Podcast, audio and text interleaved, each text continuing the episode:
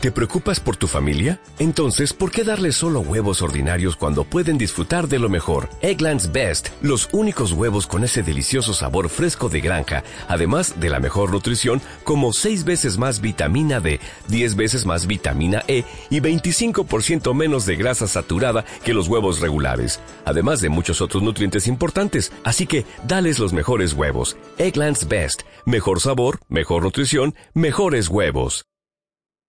Eh, ayer eh, salían las cifras del paro. Las cifras del paro en Baleares, eh, bueno, ha bajado un 0,44% en mayo 2019 de este año en comparación con el interanual, mes mayo del año pasado, del 2018. 171 trabajadores menos en las listas del paro parece ser que bueno la tendencia de un año a otro mm, se ha ido manteniendo no incluso ha, mejorado ligeramente. Ayer y hoy es también bueno titulares de portada eh, daba explicaciones el consejero de trabajo Yago Negueruela y lo que decía precisamente es que Baleares eh, bueno ha aportado el 25% del empleo que generó España durante el mes de mayo uno de cada cuatro trabajadores eh, quizás se le olvidó la entradilla de que las empresas de Baleares han aportado esa, esa cantidad, ¿no? Porque creo que son las empresas, ¿no? No la ha hecho el Espíritu Santo, porque aquí el que crea empleo son las empresas. Es que esos matices se los tendrían que estudiar un poquito antes de dar las ruedas de prensa.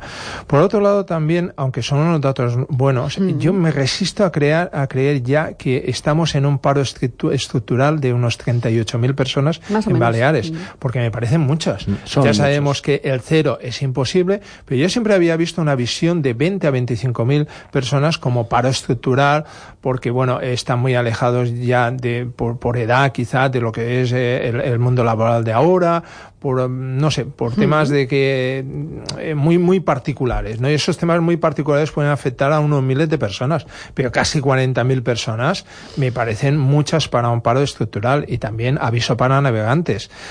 Eh, si estamos tocando eh, suelo con estas cifras, lo que nos espera, y ojalá sea, es aguantar esto, porque si no, lo que nos puede pasar es empezar a subir otra vez el paro.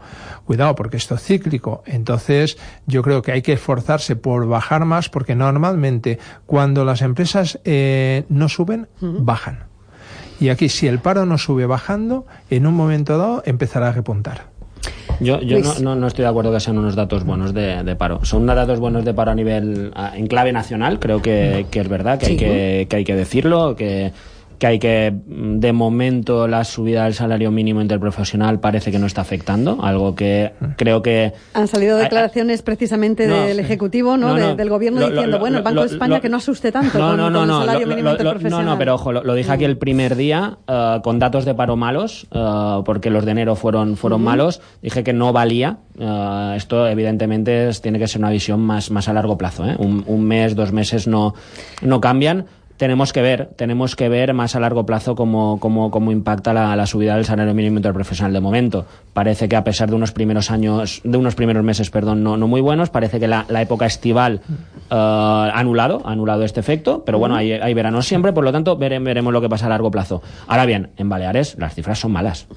O sea, recuperar uh, eh, 171 trabajadores de un año para otro, es cuando el resto de España ha recuperado un dos y pico por ciento, es muy malo. O sea, el resto es dos, dos, ¿cuánto? 2,78 el resto de España. Nosotros el, el 0,4. 44. Uh, son datos muy malos. ¿Qué nos indica? Ojo, esta caída con, unas, con una bajada de paro este mes brutal. Brutal. ¿Qué quiere decir esto? Que es que el mes pasado, el, mayo del año pasado también hubo una caída brutal y en junio del año pasado volvió a haber otra caída y en julio también, en agosto volvimos a perder y que cada año hacemos lo mismo. ¿Por qué?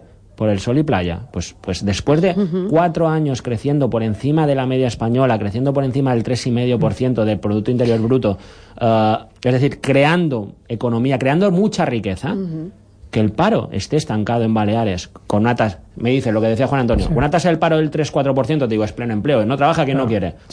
muy bien, me alegro. Pero no estamos en ese nivel. Baleares está haciendo las cosas mal y los datos de paro son muy malos y muy preocupantes. Las, tasas de empleo, apuntabas además antes, Juan Antonio dice, bueno, un paro estructural de unos 20.000, eh, estamos en los 37, 38. Eh, estamos hablando de muchas personas, de la mitad, muchas familias estamos. Quizás aquí el gobierno se está cargando, eh, el gobierno de aquí se está cargando a la subida de afiliación. También que es verdad que es un dato, pero eso no tiene que esconder la realidad del paro. pero, pero, también está por debajo de la media nacional. Está por debajo, no, no, creo que la sexta Sí, peor sí, sí, comunidad sí, autónoma, ahora me, quinta, sexta peor comunidad Sí, autónoma claro, en, en afiliaciones. La, ¿eh? la- la mentalidad de, de los que gobiernan en general es eh, más afiliación, más impuestos, más, eh, más genero yo para, para hago, hago más caja en definitiva, ¿no? Y lo vemos que se conforman. Cuando sube el número de afiliaciones independiente del paro, les ves cara de satisfacción.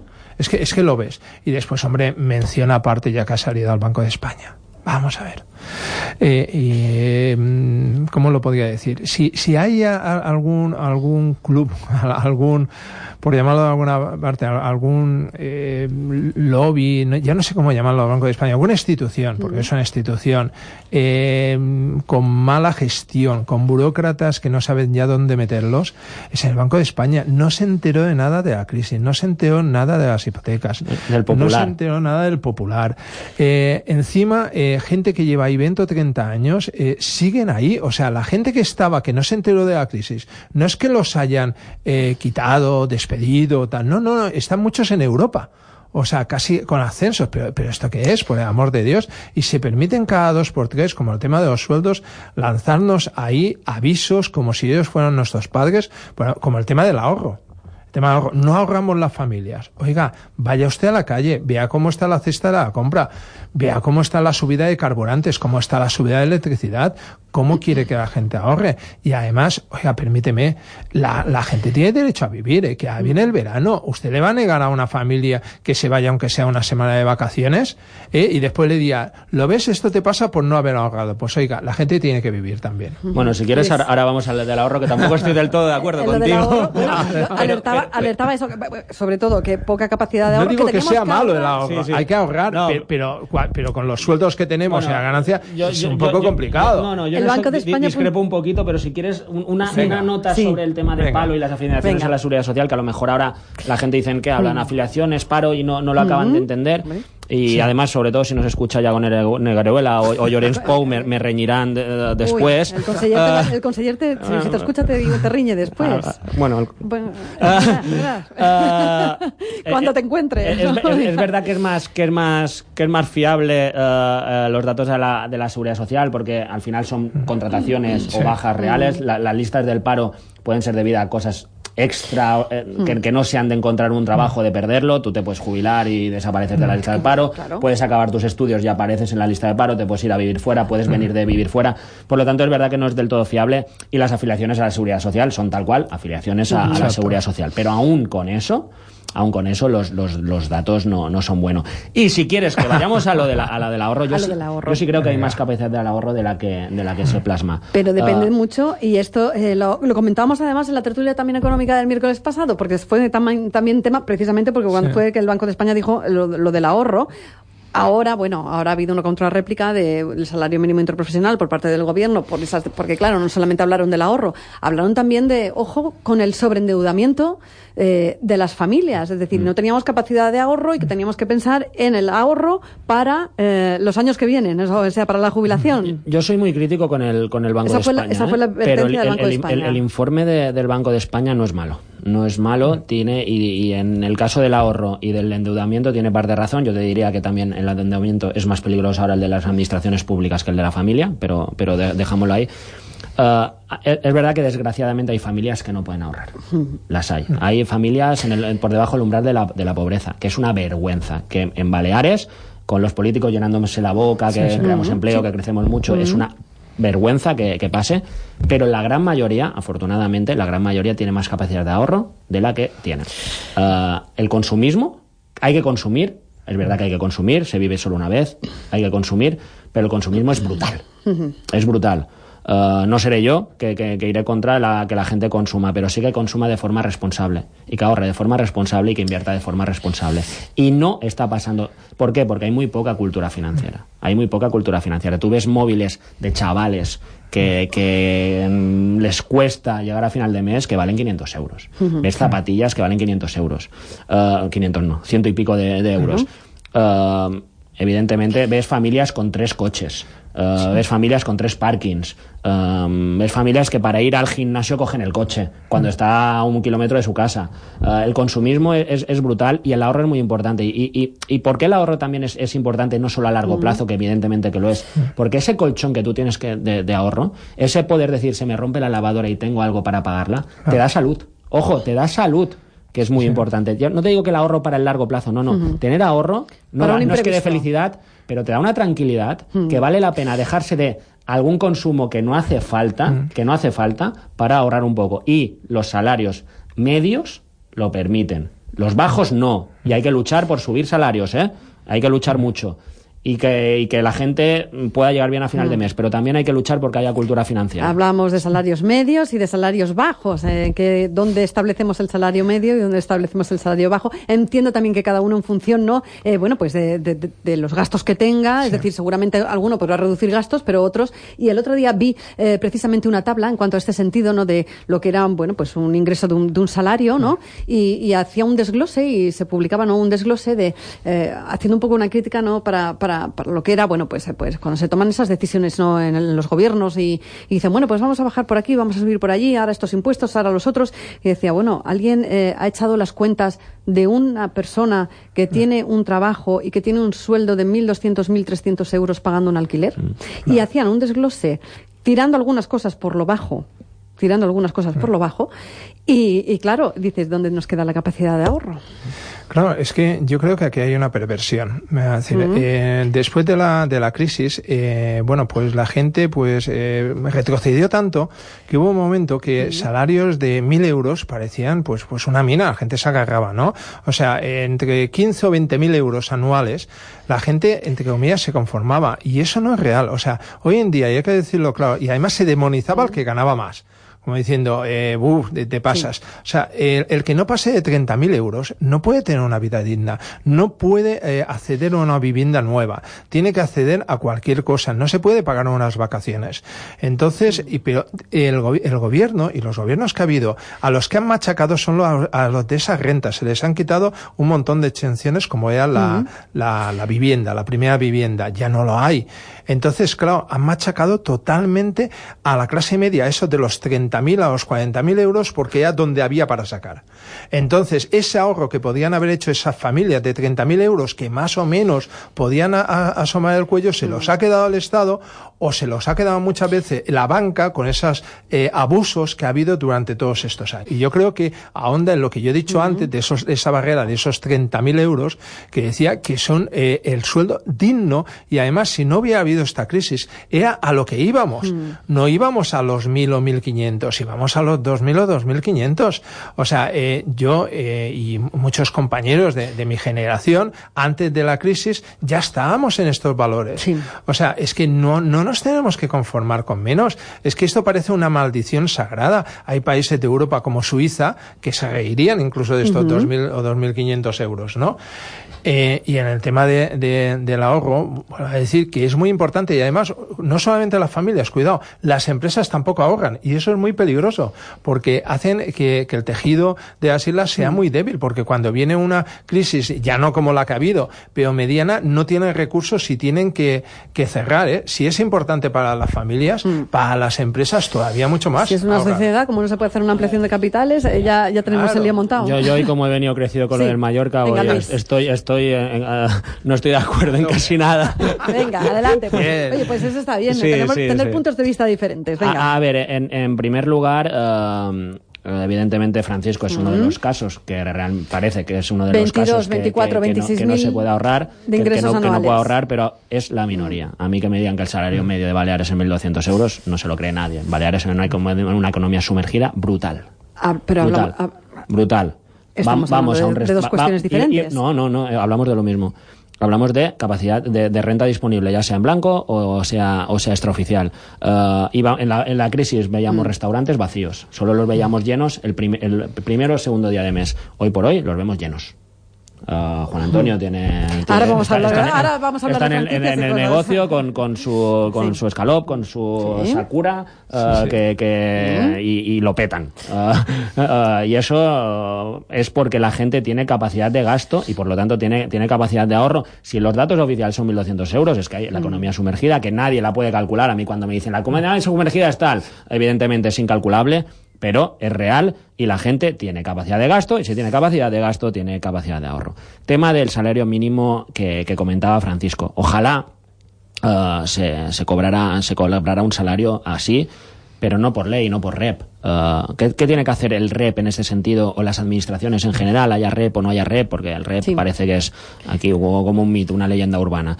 Eh, es fomentar que las empresas paguen salarios altos. ¿Cómo? Poniéndoselo fácil, mm, poniéndoselo fácil.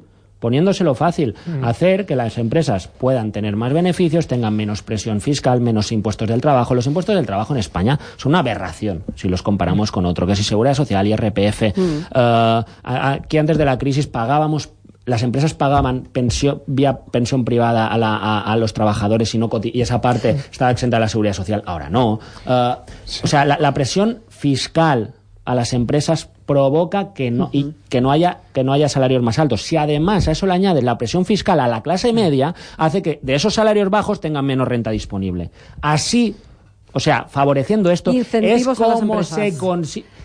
Eh, que no molesten. Ya no te digo incentivos, te digo que no molesten. Pero te hoy en digo día- que no pero- molesten. Pero, pero hoy en día los porcentajes, es decir, eh, yo no sé si en la tabla, ¿no? Cuando uno se dicen, bueno, vamos a aplicar o queremos aplicar o se hacen esas promesas de eh, para los autónomos o para las empresas o para los impuestos de sociedades, bueno, queremos bajar, queremos subir, ¿no? Que muchas veces se, se hacen anuncios, promesas eh, de cómo para intentar, bueno, pues eh, que vaya todo mejor. Pero evidentemente, em, quizás en, en esa tabla, ¿no? Donde se sitúan las empresas, las pequeñas empresas, las medianas empresas, ya no nos vamos a ir a las grandes, porque las multinacionales, bueno, estamos, estamos hablando de otros volúmenes de negocio de otros. Bueno, pero dan puestos de trabajo dan salarios. Correcto, Hostia, correcto. que son pero- importantes las pero- grandes empresas no, no, también. No, hay que demonizarlas. No, no, no, yo no, no lo hago en absoluto. Lo que sí es cierto, ¿no? Es que em, quizás hay los mismos tramos y los mismos porcentajes para empresas que No. tienen, Claro. que son muy pequeñitas, que son microempresas y tienen que pagar el porcentaje que a lo mejor le supone una barbaridad con otra que es una eh, más grande. eh, Evidentemente, Sí, y y entonces- flexibilidad en la contratación, Eh, si ese tra- evidentemente si que ese se tiene tramo que, es el mismo- se tiene que tratar diferente a, las, a, a los autónomos, a las microempresas, a las pymes que a las grandes empresas.